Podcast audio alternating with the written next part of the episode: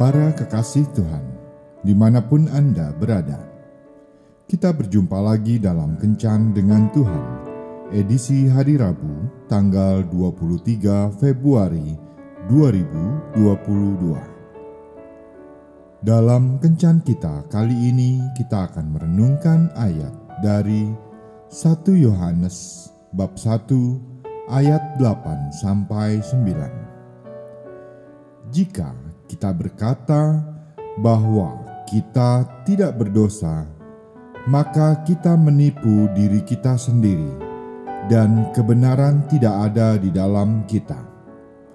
Jika kita mengaku dosa kita, maka Ia adalah setia dan adil, sehingga Ia akan mengampuni segala dosa kita dan menyucikan kita dari segala kejahatan.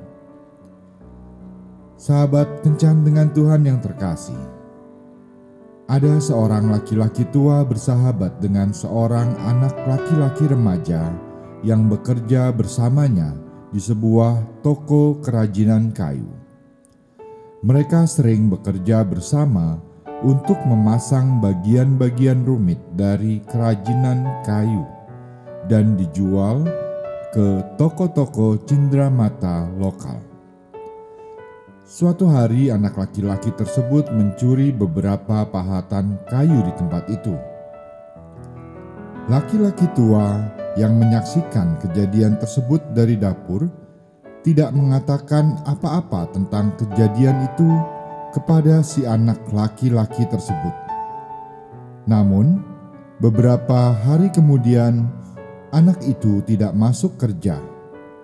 Bahkan ketika mereka bertemu, anak itu mulai menjauh dan merasa malu.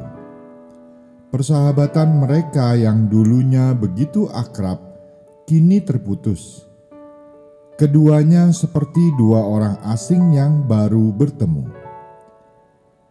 Satu hal yang harus kita tahu, Tuhan tidak pernah pergi menjauh dari kita. Namun, yang sering terjadi adalah kita yang menjauh dari Tuhan.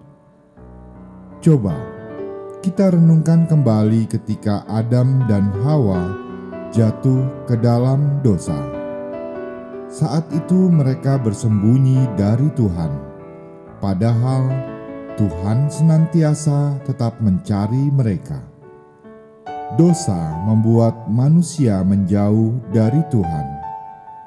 Manusia merasa sendirian dan ditinggalkan, walau sesungguhnya Tuhan tidak pernah meninggalkan kita sedetik pun.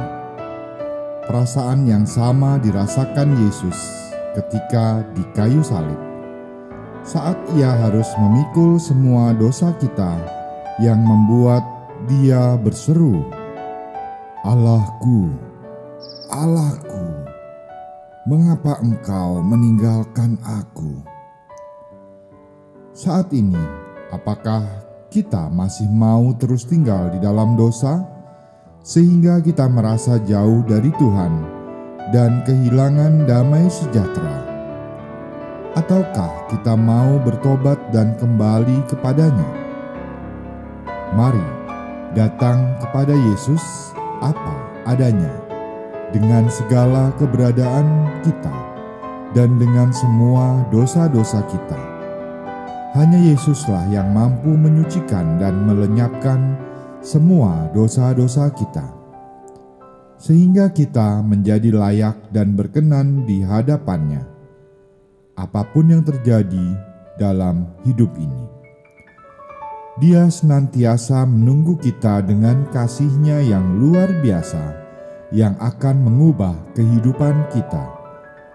Jangan lagi menjauh dari Yesus. Temukan Dia dalam doa supaya hidup kita berubah. Tuhan Yesus memberkati. Marilah berdoa. Tuhan Yesus, terima kasih karena Engkau mau menerima aku apa adanya.